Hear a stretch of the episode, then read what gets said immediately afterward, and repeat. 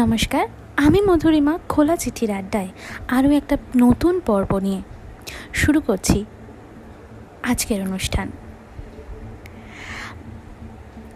উনিশশো বাহাত্তর সালে জাতিসংঘের মানবিক পরিবেশ সংক্রান্ত আন্তর্জাতিক সম্মেলনে গৃহীত সিদ্ধান্ত অনুযায়ী প্রতি বছর পাঁচই জুন পরিবেশ কর্মসূচির উদ্যোগে সিদ্ধান্ত নেওয়া হয়, বিশ্বের প্রায় একশোটির বেশি দেশে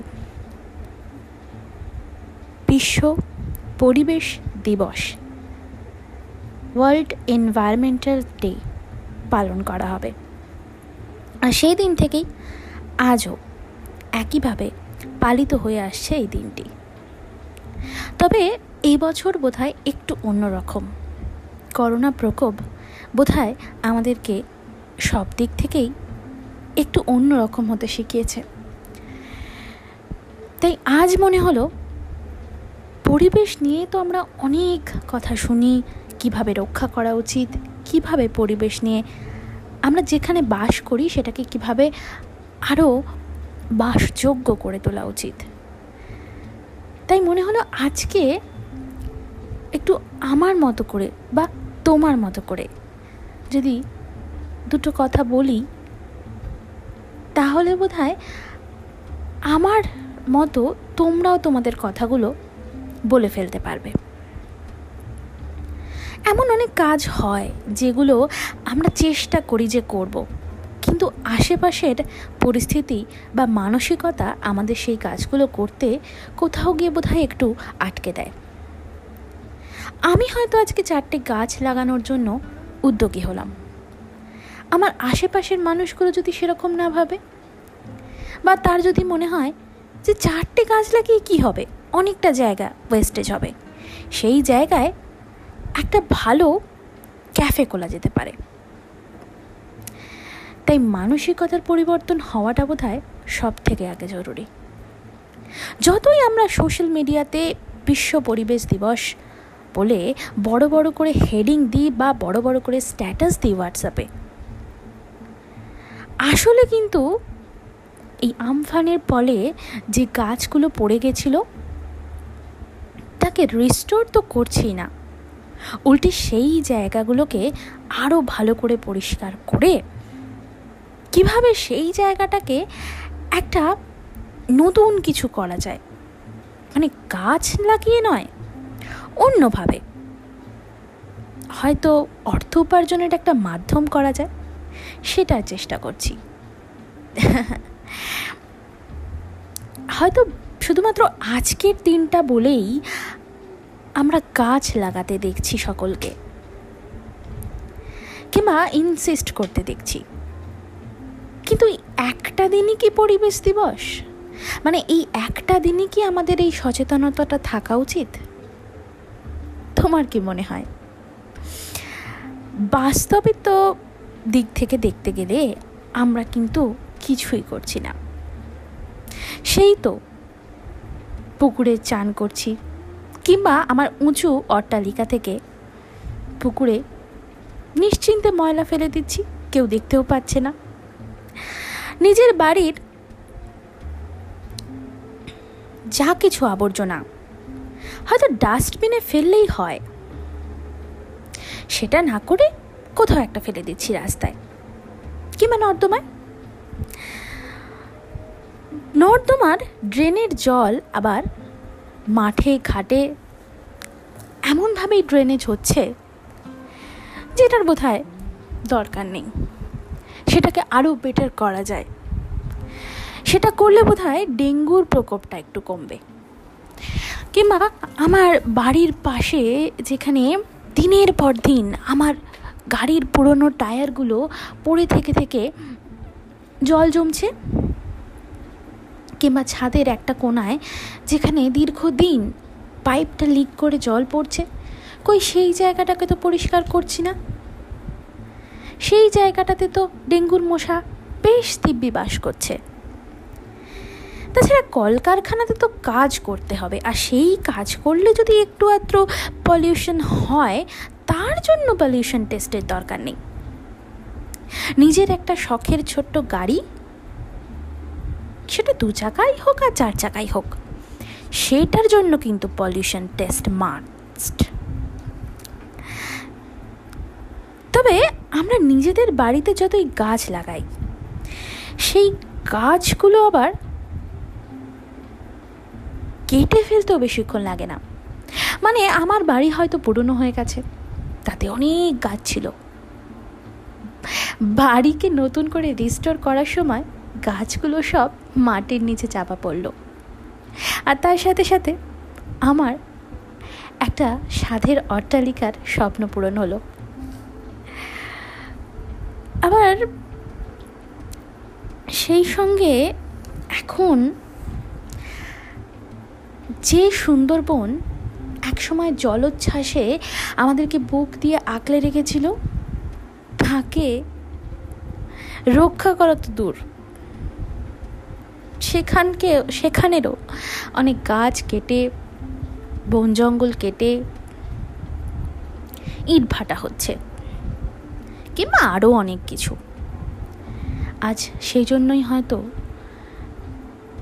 আমফানের প্রকোপে নোনা জলে ভর্তি হয়ে গিয়ে বসবাসযোগ্য ধান জমিতে ধান ফসল ফলার অযোগ্য হয়ে উঠেছে। প্রতিনিয়ত বন জঙ্গল কেটে সেখানে বিদ্যুৎ কেন্দ্র তৈরি কিংবা আরও অন্য কিছু। পাহাড়, পর্বত, ইটভাটা, নদী, খাল, বিল, অট্টালিকা, কারখানা এই সব কিছুর জল, গিয়ে পবিত্র গঙ্গা সহ পানীয় জলের উপযোগী নদী নালাগুলোকে একেবারে দূষিত করে তুলছে। এই তো গেল আমাদের চারপাশের কথা। এ তো গেল আমাদের ব্যবহার্য জিনিসের কথা। আর যেটা সব থেকে বেশি ক্ষতি করছি আমরা, মোবাইল ফোনের টাওয়ার কিংবা শব্দ দূষণ। হয়তো ক্রিকেট খেলাতে ইন্ডিয়া জিতেছে। মনে হলো কি আর এমন শব্দ দূষণ হবে? একটা বাজি ফাটিয়ে নিই। হয়তো বিয়ে বাড়ি ভীষণ আনন্দের দিন। আমি তো বিয়ে করছি। আমার দিনটাকে সেলিব্রেট করতে হবে না। তার জন্য যদি একটু বাজি ফাটাই। কি এমন বায়ু দূষণ হবে? আসলে প্রতিনিয়ত এই যে মহামারী, এই যে প্রাকৃতিক বিপর্যয়, এগুলো আমরা অনেক রিসার্চ করছি। কেন হচ্ছে? আবার শুনছি নাকি সামনে ভূমিকম্প আসতে চলেছে। আমরা যেভাবে প্রকৃতিকে প্রতিনিয়ত নিজেদের স্বার্থসিদ্ধির জন্য ব্যবহার করছি, নিজেদের সুখ স্বাচ্ছন্দ্যগুলোকে পেতে ব্যবহার করছি, আলো, বাতাস, জল, নদী, নালা, খাল, পাহাড়, পর্বত, বন, জঙ্গল সব কিছুর অস্তিত্বকে যেভাবে প্রতিদিন ধ্বংস করছি, তারই প্রতিশোধ নিচ্ছে। অকৃতজ্ঞের মতো আমরা জীব বৈচিত্র্যকে দিনের পর দিন একটু একটু করে, তিল তিল করে ব্যবহার অযোগ্য করে তুলছি। আমরা প্রতিনিয়ত যে ধ্বংস করছি, তার কারণে আজ পানীয় জল নদী নালার অযোগ্য। সেই জল ফুটিয়ে খেতে হচ্ছে কিংবা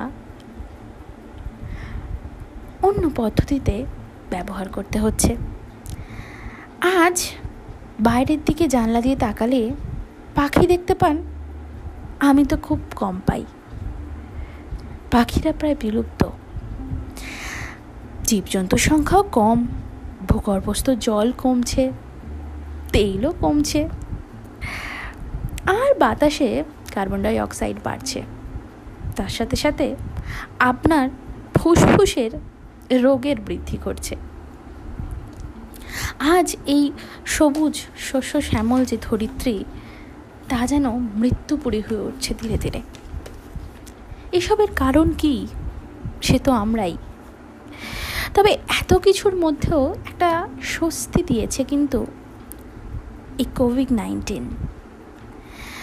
অনেকেই বিশ্লেষণ করছেন এ নিয়ে যে আর কিছু নাই হোক। অনেক মানুষের প্রাণ যাচ্ছে। আমাদের জনজীবন একেবারেই বিপর্যস্ত। কিছুই নিয়মিত নেই, সবই টালমাটাল। তার মাঝেও পরিবেশকে কিছুটা হলেও স্বস্তি দিতে পেরেছে। বাতাসে তাপমাত্রা কমছে, দূষণ কমছে, পাখিদের সংখ্যাও বাড়ছে। শোনা যাচ্ছে গঙ্গার জল অনেকটা বেশি পরিষ্কার। শব্দ দূষণটাও বেশ কম। মানুষের অত্যাচার বাড়তে বাড়তে পরিবেশ যখন সবুজ থেকে ধীরে ধীরে অন্য রূপ নিচ্ছিল, তখন এই কোভিড নাইন্টিন বোধহয় জঙ্গলের বৃদ্ধিকে কিছুটা বাড়াতে সাহায্য করেছে। তার মানে আমরা কিন্তু চাইলেই পারি এই যে আমরা বাড়ির মধ্যে আছি বলেই আজকে হয়তো আমাদের প্রকৃতিটা কিছুটা হলেও রক্ষা পাচ্ছে, তাতে আমরাই ভালো থাকব আগামী দিনে। তাই এই অভ্যেসটাকে যদি আমরা আমাদের আগামী জীবনে বা আগামী দিনে চলার পথে সঙ্গী করি, তাহলে তো আমরা একটা সুস্থ পৃথিবীর বুকে বাস করতে পারব। প্রাণ ভরে নিঃশ্বাস নেবার চেষ্টা করতে পারব। আর আমাদের আগামী প্রজন্মকে যদি হাতে ধরে মোবাইল না দিয়ে গাছ লাগানো খেলাতে উদ্বুদ্ধ করি, তাহলে তো সেই মাঠেই সে ক্রিকেট বা ফুটবল খেলতে পারবে কিংবা সেও প্রাণ ভরে নিঃশ্বাস নিতে পারবে। আমরা যদি আমাদের এই অভ্যেসটাকে বজায় রাখতে পারি, তাহলে ক্ষতি তো কিছু হবে না। হয়তো অনেকটা হ্যাপি এনভায়রনমেন্টাল ডে আগামী দিনে আমরা পালন করতে পারব। আমি জানি না আমার এই কথাগুলো কতজন শুনবেন বা কতজন আমার কথার সপক্ষে বা বিপক্ষে যুক্তি দেবেন। কিন্তু আমার কাছে বিশ্ব পরিবেশ দিবস সেটাই যেখানে সবাই গাছ লাগানোটাকে আজকের দিনের জন্য নয়, প্রত্যেক দিনের জন্য একটা অভ্যাসে পরিণত করবেন। প্রতিনিয়ত সেই গাছগুলোয় জল দেবেন, যাতে এই সমাজটা সেটা শেখে। ছোট্ট প্রাণীগুলো কিংবা ছোট্ট যে শিশুটা আপনার বাড়িতে বেড়ে উঠছে, সেও সেই অভ্যেসটা নিয়ে বড় হয়। কিংবা যারা পুরনো ধ্যান ধারণায় অভ্যস্ত যেসব মানুষ, তারাও আপনাকে দেখে ভাবে, একদিন একটা গাছ লাগিয়েই দেখি না। সেটা জল পেয়ে ফুল দেয় কি না ফল দেয় কি না চলুন না, আমরা এভাবেই একটা নতুন পৃথিবী সৃষ্টি করি। হয়তো পেছনে ফেলে আসা দিনগুলোকে শোধরাতে পারব না, তার জন্য আজ আমরা ক্ষতিগ্রস্ত। কিন্তু আগামী দিনটাকে তো ভালো করতে পারি, আগামী পৃথিবীটাকে তো সবুজ করতে পারি। সেই আশা নিয়েই শেষ করছি আজকের কোলা চিঠির আড্ডা। আশা করি তোমরা সবাই ভালো থাকো। আছো? থাকবে। যা যা সংকেত পাচ্ছি, সেগুলো সব কাটিয়ে আমরা নতুন দিন দেখব। খুব ভালো থেকো। শুভরাত্রি।